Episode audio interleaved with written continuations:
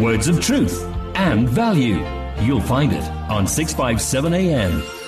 You can now buy your favorite programs and series of the past 38 years on eCompanion, Radio Pulpit's own online shop. Revisit programs by beloved presenters like Justice Chungu, Cecile Burger, Esti Geldenhuys, and Pastor Aaron Jelle. Books and CDs from various authors and artists, as well as Radio Pulpit t-shirts, caps, and other branded products will also be available on eCompanion, your one-stop soul food shop. Visit radiopulpit.co.za and click on shop. T's and C's apply.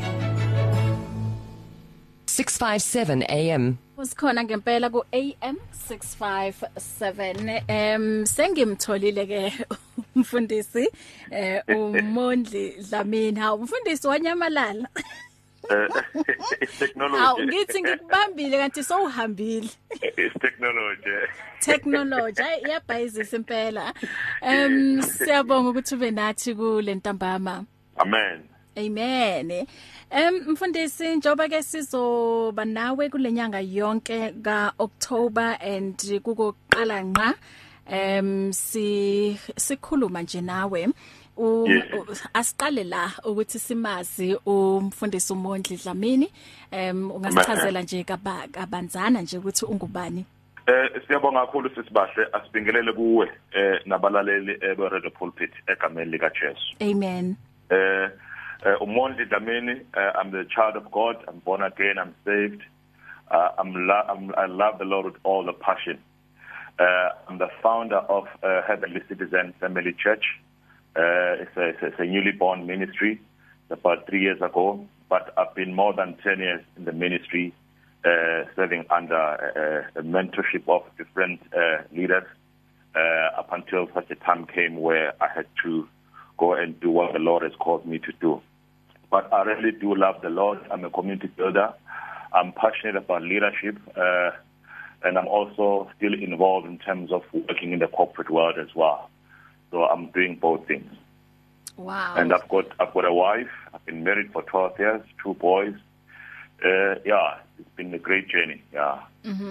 so mfundisi uyakwazi umultitask Uh, I wouldn't take uh, that 100%. I try. I try. Yeah. You just keep the main thing, you know, yeah in line. Yeah. Siyabonga Yeah. kakhulu and then ngendawo ukuphi njoba ngizwe ukuthi une ministry Yes, ngendawo uh, bahle we are based in Ladysmith uh, mm-hmm. where I've got a ministry. I've got my home in Ladysmith, but I've also got another place in Johannesburg. Uh, mm-hmm. uh, uh, Langshalakhon is a flat uh, just for the for work purposes. Mm-hmm. But my family and my home is in Ladysmith. oh ngokuzalwa wase Ladysmith Ngo- Ngokuzalwa, uh, I'm from Harding in the south oh of KZN, okay yeah, uh-huh. close to Port Shepstone or Market.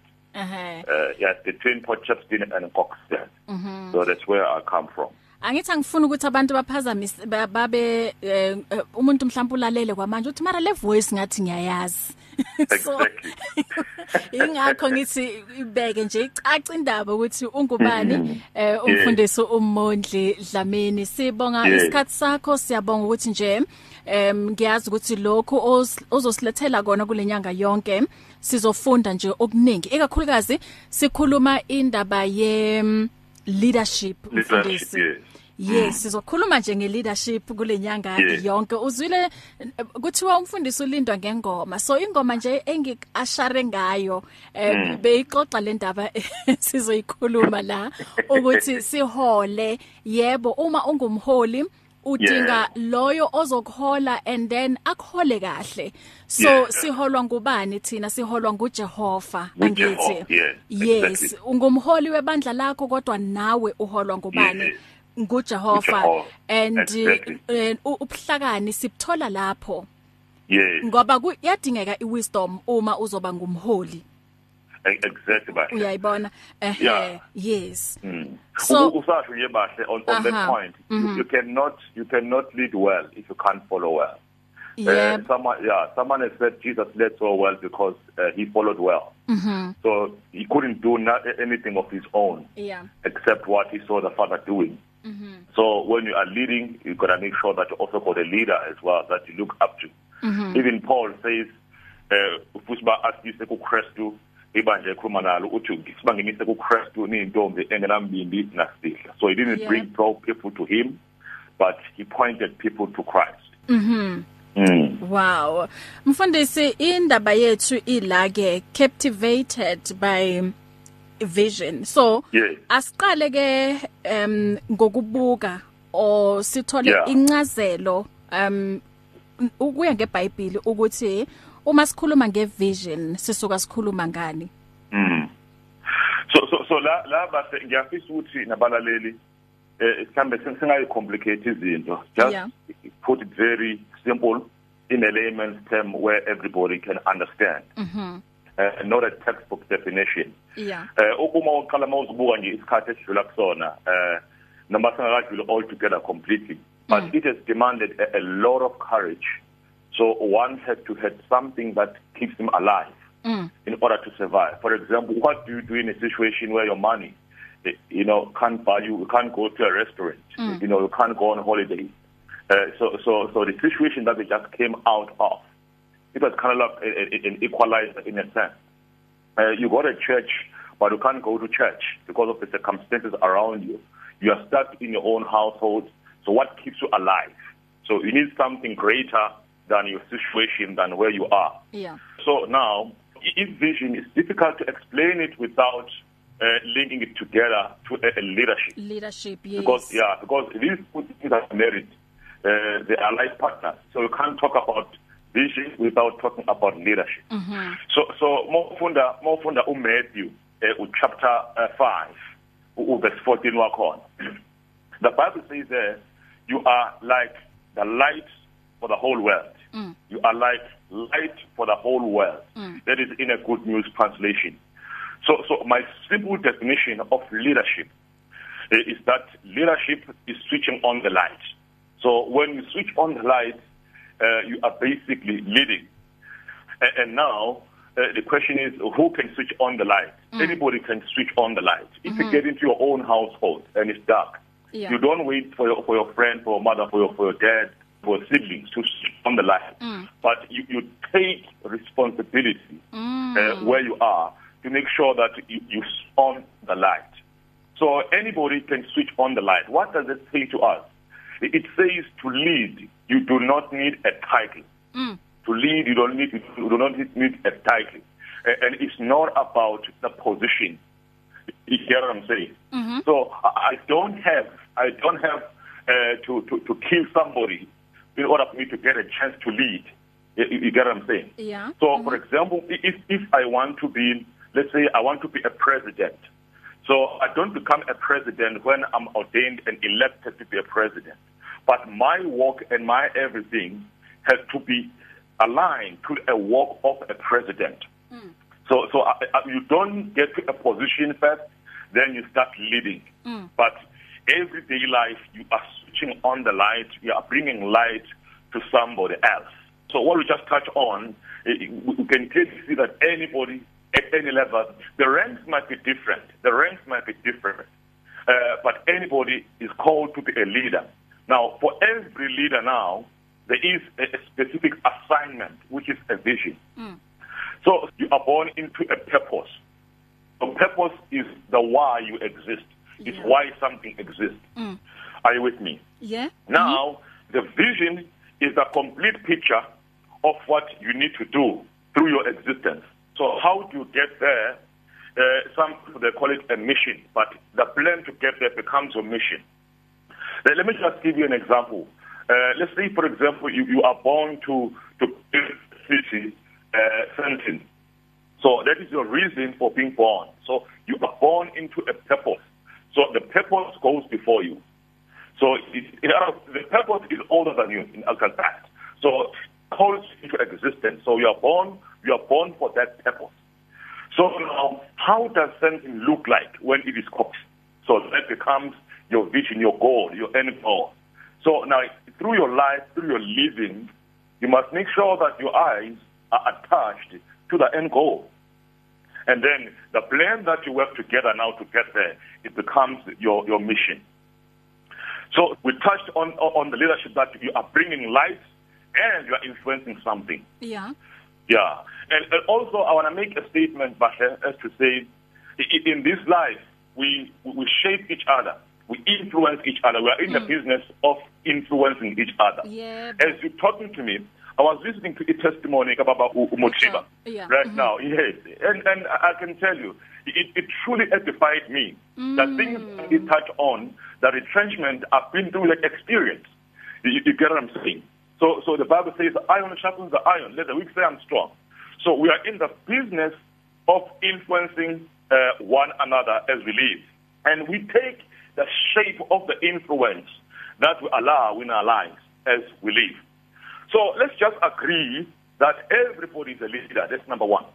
And number two, everybody has got a vision. Got a vision. So the, I just went through a, a, a very good article uh, written Harvard School of Business on how to become a more effective leader. And, and they sum it up nicely. They say leaders develop a vision, they guide change. They guide change. So my emphasis on that would be uh, you cannot you can change the method, but you don't need to change the vision. The vision doesn't change, but the, the way we do things must change because of the development and the technolo- te- technologically um, evolution stuff like that. And then maybe let's just move on a little bit now. Yeah. Yeah.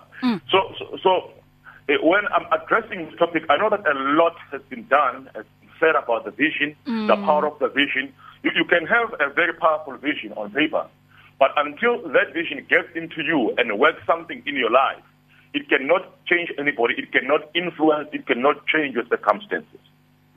So uh, there are three levels that I just like to touch on high level. There is what I call the sound of the vision, the sound of the vision. And secondly, there is a revelation of the vision, which means now that the vision needs to be revealed unto you. Once it is revealed unto you, you've got to be captivated by the vision. You, you've got to be, uh, you have to draw passion from it. You have to be obsessed about that vision. So Paul says, Paul says, uh, I want to know Christ. That is, that is in, in, in Philippians chapter 3, verse 10. He says, I want to know Christ and experience the mighty power that raised him from the dead. Now, e- experience is something else because it- sometimes it's not aligned to the textbook, it's not aligned to theory. You, you are testing what Yeah. you are called to do. Uh-huh. And he says, I want to suffer with him, sharing in his death. So to have a, a written vision, a- a vision written down is one thing, but to experience, walk into that power, that's something else. Now, when you are captivated, you, you are able to, to survive and to, to be sustained through the hardships, through any kind of storm. But now, when, when, the, when the vision is revealed unto you, is where your eyes are being opened. So, so if you read Habakkuk chapter, chapter 2, verse 2, it says, write down what you see. So whatever you see, you've got to write it down. Reduce it to writing. So it says, write it out in big block letters so that you can, it can be read on the run. So, so what does that say now? It says now the vision should be clear uh, to guide your path, to guide your action, to guide your association, to guide your company, to guide what your hands should be touching. So, so, so the world that we're living in it is so busy that nobody actually will have time to really spend hours listening to what you're trying to achieve. so it's got to be concise. It's got to be straight to the point. I, I remember back in our days when we, we, we were applying for job for the first time, and you get asked the question, "Tell us about yourself." You- You'll go from the location where you were born, how many siblings you have, and so on and so forth. Yeah. Now, that thing is no longer applicable. They, they talk about uh, a, a 30 second commercial. When they say, tell us about yourself, they talk about 30 second commercial, Yeah. which should not be more than five lines. I, I got a revelation of that when, when, when I got retrenched and uh, to get in the market and look for a job. Yeah. So now, when the ribbon, when the vision is, is, is revealed to you, you, you are getting hold of that vision. Yebo. So, so you are getting hold of that vision before the vision gets hold of you. So, in the captivated state, the vision gets hold of you. You get hold of the vision before the vision can get hold of you. So, so, so if, if I'm holding something, uh, Bashle, if I'm holding something, mm. let's say I'm holding a baby, a baby. So if I'm holding a baby, so in that situation, the, the baby doesn't depend on his own strength. Mm-hmm. Yeah, he can be able to, to overcome certain things that he wouldn't overcome on his own. Yeah. Why? Because he's leaning on my arms. Mm. So if the arm of God is holding me, mm. it's one thing because now I don't now depend on the on my own strength, on yeah, my own understanding. Yeah. So Mm-hmm. I'm able to overcome obstacles that in a natural sense of things could have defeated me. Mm. But now if I hold on to God, I can let go anytime I want to let go. Yeah. Again, I'm saying Yeah. I can quit. And maybe just in passing now, the sound of the vision, uh, I, I like the story of Bartimaeus, Bartimaeus uh, in Mark chapter 10 from verse 46 to 52. So, so Bartimaeus was blind, but he heard something was happening around him. And after he heard that it was Jesus passing by and the crowd, you know, he made his request. He made his plea. He said, Jesus, son of David, have mercy on me. You get what I'm saying? He got the feel of what was happening around him. So if you can't see it yet, at least get a feel, get a sound of it. Because something is happening around you. The world is moving. Maybe, maybe, let's just maybe now look at the vision itself. Somebody at home might be asking, what is a vision, Pastor? What is a vision? Tell us. What is a vision? So in Proverbs chapter 29, verse 18, it's clear where there is no vision, the people perish. Yeah, but- Version. Mm, mm, So, so mm. there is no substitute for a vision. There is no other cure for a vision and uh, uh, except being to have a vision. Mm. You can't have something else to replace a vision. Mm. So, because your vision is linked to your purpose, to your existence, reason Wow. for existence. Yebo. So those two are, are, are married. So if they are misaligned, it's where now we begin to make a lot of errors, a lot of mistakes. When when you design a product, you design it with a purpose it is intended to fulfill. So the purpose de- determines the design, and now what needs to be fulfilled becomes the vision. So it's either you have a vision or you don't have it. But the fact that you don't say yes does not mean that it doesn't exist. Yebo. Uh-huh. So yeah, so if you look at Good News Translation, the same scripture, it says a nation without God's guidance is a nation without order. So so so now we lose order when when when we exclude ourselves from God. We can't ex- we cannot live on our own means. If, if you read uh, Jeremiah chapter, I think it's chapter 2 verse 13. mangishile mina mthombo amanzi afileyo bazigumbele yabo imthombo amanzi akahlali kuyo you know they left god the source of the living waters and they went to to find their own systems where it, where those systems they cannot hold water from this scripture that we read now we can see that vision is also about god's guidance it comes from god Yebo. He pro- now whatever god calls for he provides for it whatever God calls for, He provides for it. So for every vision, there is a provision. Wow. Are you with me? Now, now my own interpretation now of a vision, my own interpretation is not a textbook uh, uh, uh, definition. I would say from what we've just read now, a vision is a clear sight of the unseen existing reality. Are you with me? The fact that you don't see it does not mean it's not there. It's not does there, not mean yeah. it's not existing. So it's the, it's the clear sight of the unseen existing reality that will come to pass if pursued with zealousness. Wow. It is like your, your, your coming soon billboard. Mm. I, I think some of us might, might have seen that. When they're about to build a, maybe a big shopping mall or, or something big, they first come in a, in a desert land. Then they put a big billboard Mm. uh, with a complete picture of what is going to be built Mm. on that land, on the site. So, so a vision is like your, your coming soon billboard. Maybe a listener at home, the question you might ask, and I think is pertinent, what is your coming soon billboard? What is it that you see? You know, what what is the picture of the final product that you see? Because if you see it, if you can perceive it, you, you, you are bound uh, to, to, to, to pull all the stops, to make sure that you get there. So the vision is what the future looks like once all the work is done. It simplifies the situation, it brings solution to a problem. Yebo mfundisi njoba bowuquote la iscripture ukuthi where there is no vision the the people perish.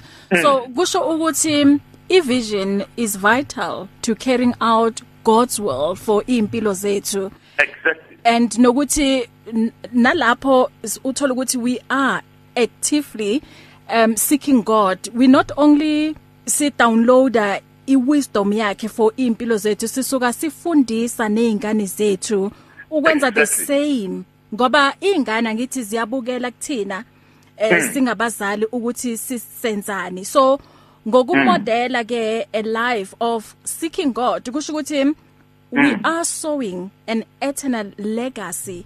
Exactly. okuwukuthi kuzoblesseka izingane zethu kublesseke even n- nezabo nalezo futhi like generation to generation Uh, uh, Basha, you cannot build a legacy without a vision. You yebo cannot build a legacy without a vision. Mm-hmm. And, and you touched on something very important. You know, someone said uh, people serve as they are led. Mm. You know, mm-hmm. yeah. So our children, they would lead as we are leading. yebo Yeah. So our, our leading sets a blueprint for them in terms of which way to follow. Wow Yeah. mfundisi We are cultivating a seed. We are cultivating something. A- seed, And, and, and, now, and now we are sowing. At the end of the day, Mm. we want to reap what we're sowing. In, in most cases, in most cases, they won't do what we say, but they will do what we do. Mm, mm, mm, yeah. Mm. Yo mhlambe lapha emakhaya naba ngathanda ukuthi baphawule eh kulolu daba esilixoxayo. Unga em thumela nje i-comment yakho noma unombuzo nge WhatsApp ingaba i-voice note uthumele nje ku 082657 2729 noma SMS ku 37871 incingo zivuliwe ke bazalwane. Um nawe nje uma mhlawumbe kukhona still ongaka understand njoba umfundisi ebechaza la indaba yokuthi eh, ku- ku- i vision iyini echaza ukuthi leadership imayilana nani purpose and vision zonke lezi zinto zi- zintathu zi- zi- em ngasho nje ukuthi zi ziyahambisana mfundisi. Exactly. ngeke ulide ungenayo ipurpose ungenayo Exactly. i vision. Sikhuluma nge leadership bazalwane. Eh siyabona nje bukhona ubuholi obuningi and banye nje uthola umfundisi be eh beloku nje bekhuluma emaceleni ukuthi hey hayi no no no no. Uphathi balomuntu noma eh i leadership yakhe ayilungile. So uma sikhuluma nge leadership okuyiyona and nawe mhlawumbe uthi uyabona la ngingamlandela lo ngoba ngiyabona ukuthi uhola ngendlela enhle and imfundiso uyibekile kahle eh iyacaca ukuthi ngempela njoba izwi nalilisho ukuthi where there is no vision people People perish. Yeah. they perish Many people across South Africa are being blessed and encouraged by the Radio Pulpit devotional magazine, The Word for Today. This publication places the gospel of Jesus Christ in the hands of more than 100,000 people every day, inspiring every person, from the professional businessman to the needy person who lives on the streets. Each edition contains daily scripture based devotionals and inspiring articles to help you grow spiritually. The booklet is given with the compliments of Radio Pulpit, but your donation, large or small, will help us to print the next edition and continue being the hope of the gospel to a world in desperate need. The word for today. Get yours today on 012 334 1200 or subscribe online at www.radiopulpit.co.za. Radio Pulpit, your daily companion.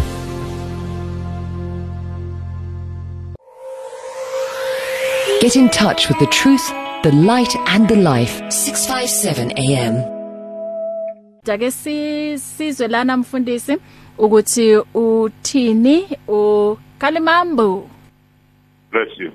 Nkosazana siyabingelela sibingelele bonke abathandi bakwa Radio Pulpit ithandwa zezulu la kungaba ranzi bashitishi leshayina shamahungu lamanene eh manje ke uma siya khona la kuma leader la kubuholi la eh sibona yena ke umngameli wezwe. Umngameli ukhula njengabo bonke abantwana uvele emhlabeni njengabo bonke abantwana afunde njengabo bonke abantwana. Kodwa ke kufika lapho se e- ehlukaniselwa khona manje umsebenzi wokuthi aphathe ilizwe. Manje ke sibona futhi laphana umfanekiswana wamaphoyisa impahla lezi zamaphoyisa leziyana. Zikhandwa kanye kanye le zikhandwa khona. Kodwa kufike lapho sezihlukaniselwa khona nkosazana zibe umfanekiselo wamaphoyisa leza manje lezi mpahla azisagcokwa noma ngubani noma ngubani. Futhi angeke iphoyisa ulifake empama noma ulishaye noma ulijikijele ngelitshe ligcoke loya mfaniswana loya. Uyabotshwa ngokuba se umele isizwe kufana neumngameli ngeke ngayica kancane kunjalo na? Kunefleke lesizwe ngesiputuke siyibiza ibandera national da republica.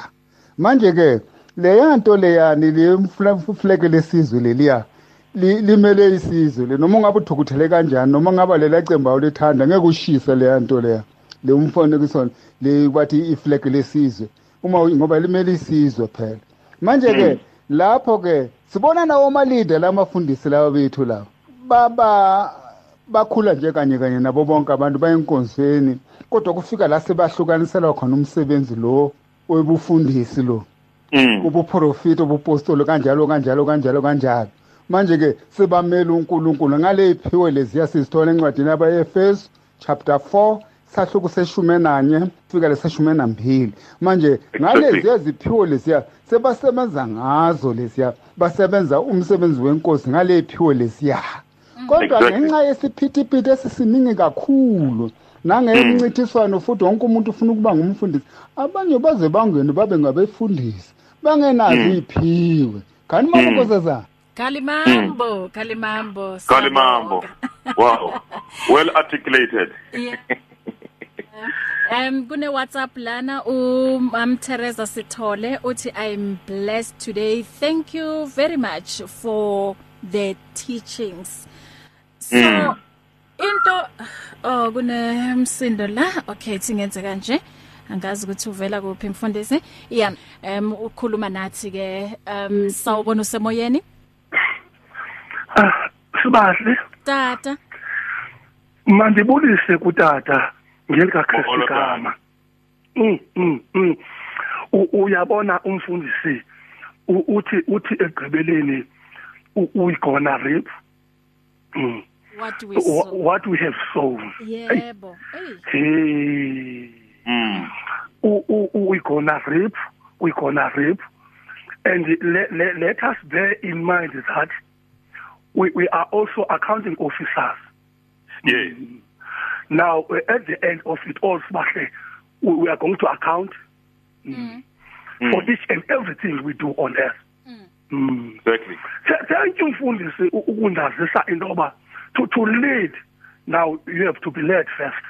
Mm. Mm. Yes. Now to lead, Sibahle, you have to be, to be led first. yebo aha It- it- It's very, very, very important now to to to have to have Holy Spirit in you. Exactly. Holy Spirit. You can never lead people without Holy Spirit. Exactly. Because Holy Spirit, now is, is Spirit, say, authority. mm. Mm. In Him, there, there is authority. Mm. Now, in Holy Spirit, now there is leadership. Mm.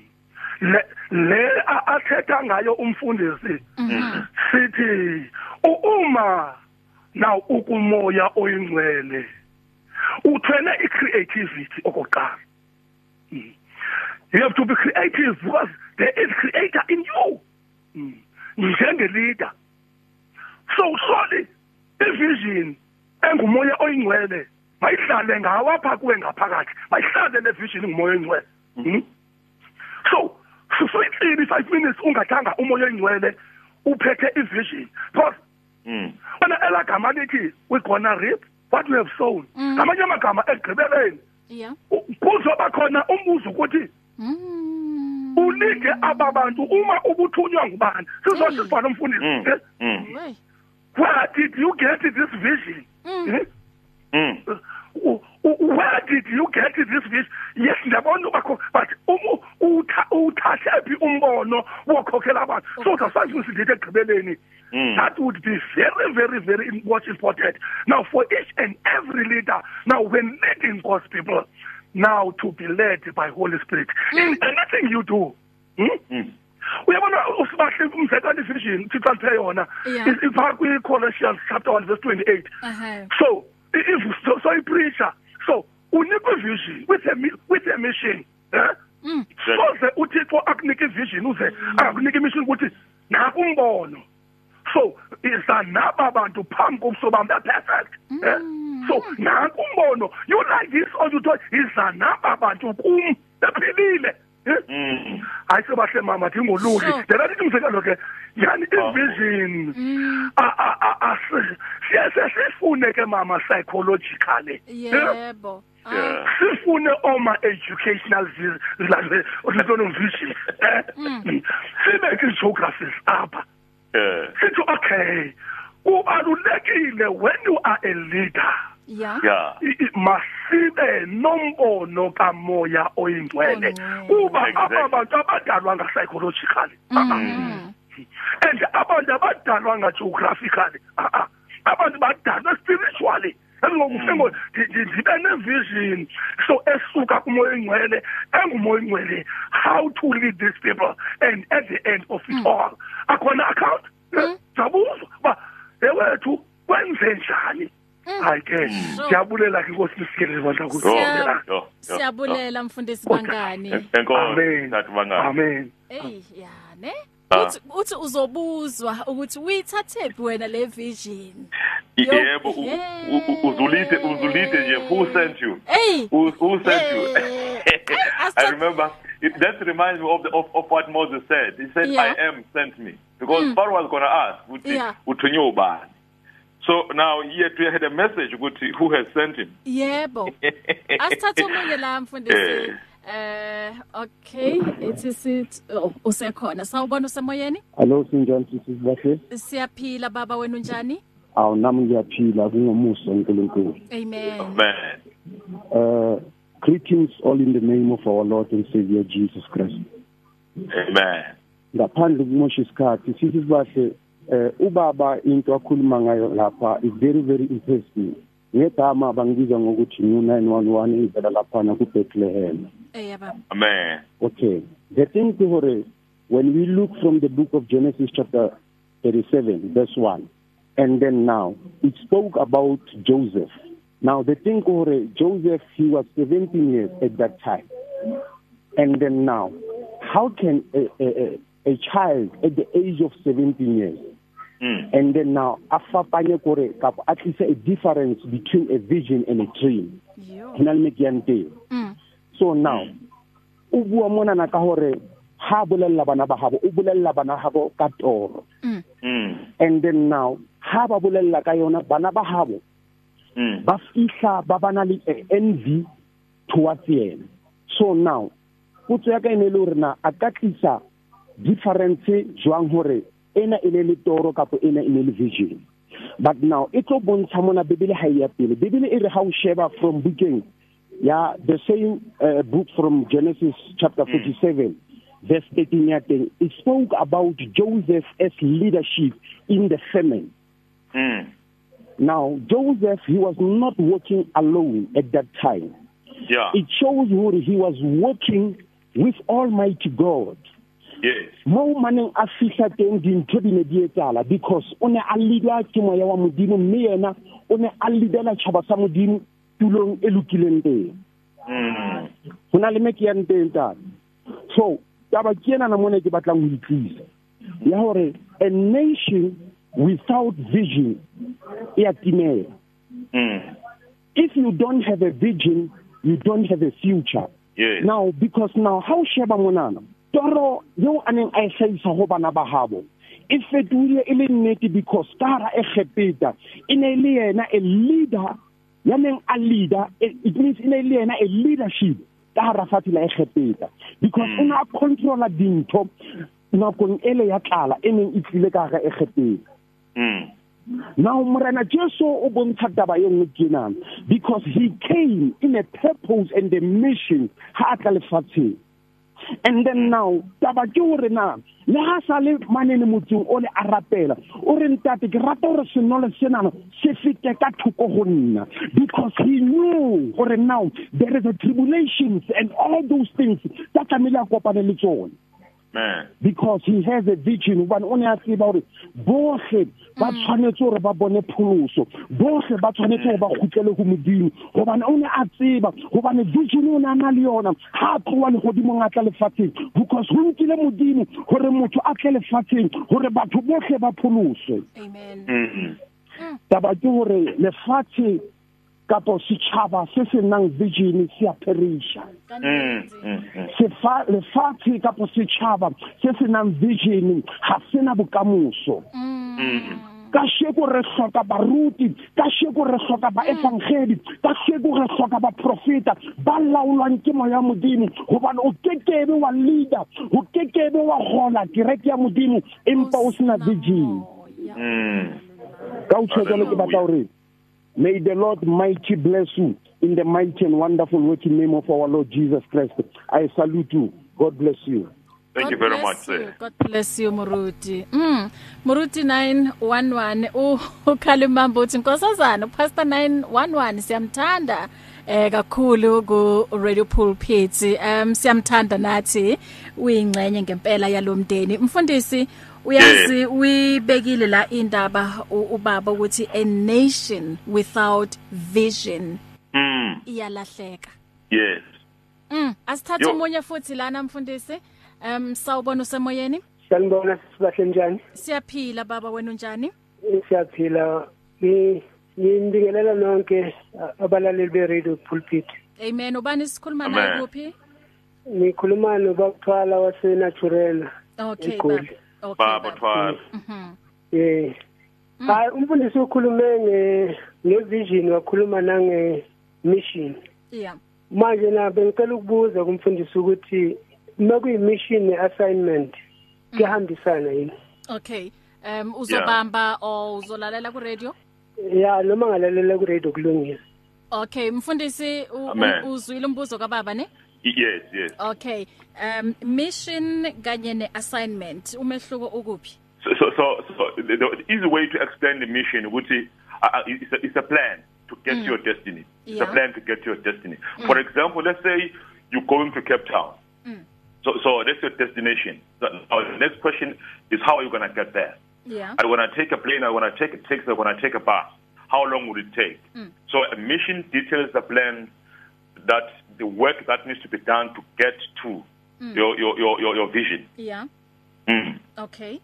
assignment is what you are called to do, but how are you going to do that assignment? You know, I'm not too sure if Wawutwala is going to be covered. Okay, uma Yeah. eng- engekho covered uzobuya futhi. And then athi ay cha mfundisi angizwanga nix. impendulo yakho.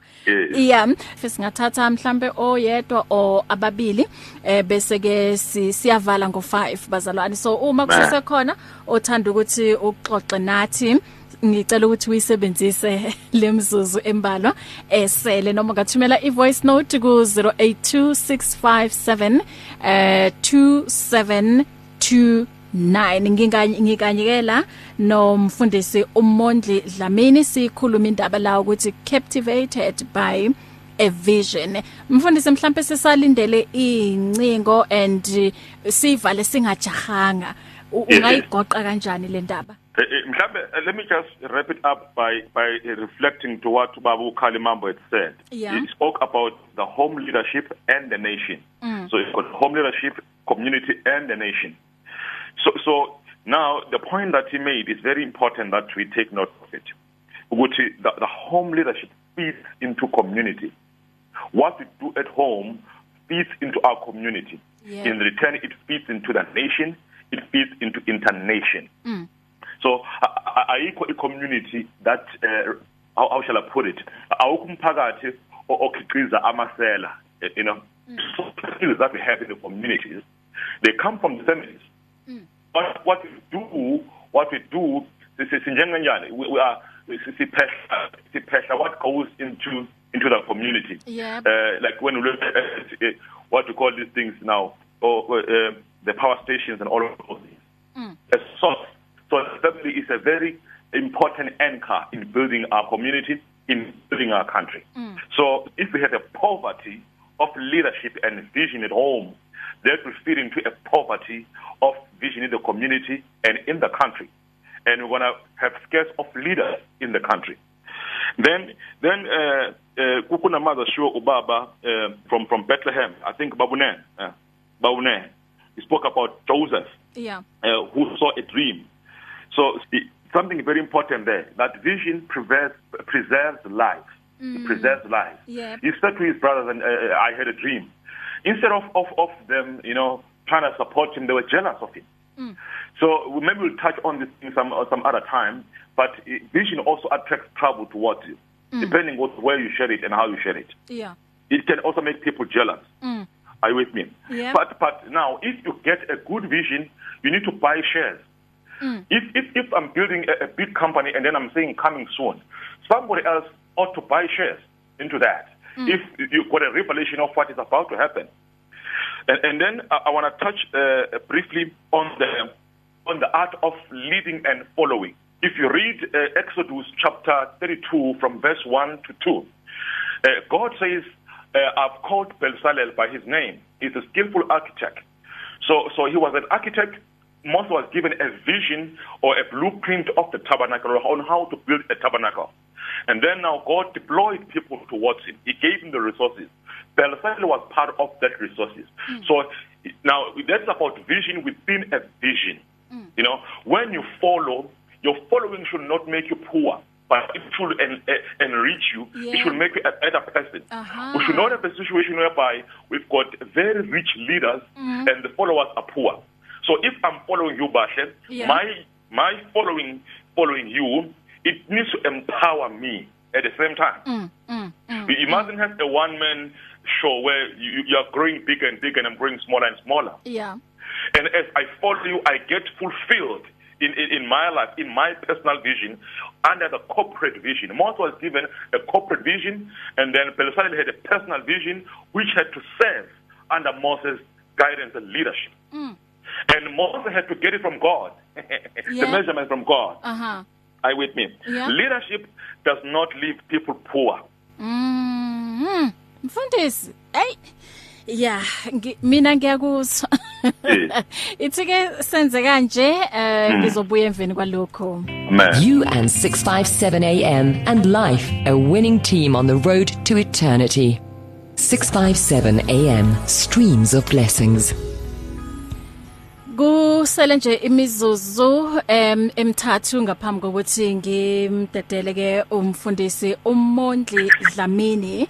Em bazalwane into engamele sikhohle njoba sixoxa le ndaba ukuthi Ah akunama limits to the wisdom kanye ne vision leyo uNkulunkulu ayinikezayo njengoba esibonisa izinto through izwi lakhe em naku moya ongcwele so asenzeni isiqiniseko ukuthi we keep um this truth at the forefront of our hearts mfundisi Exactly.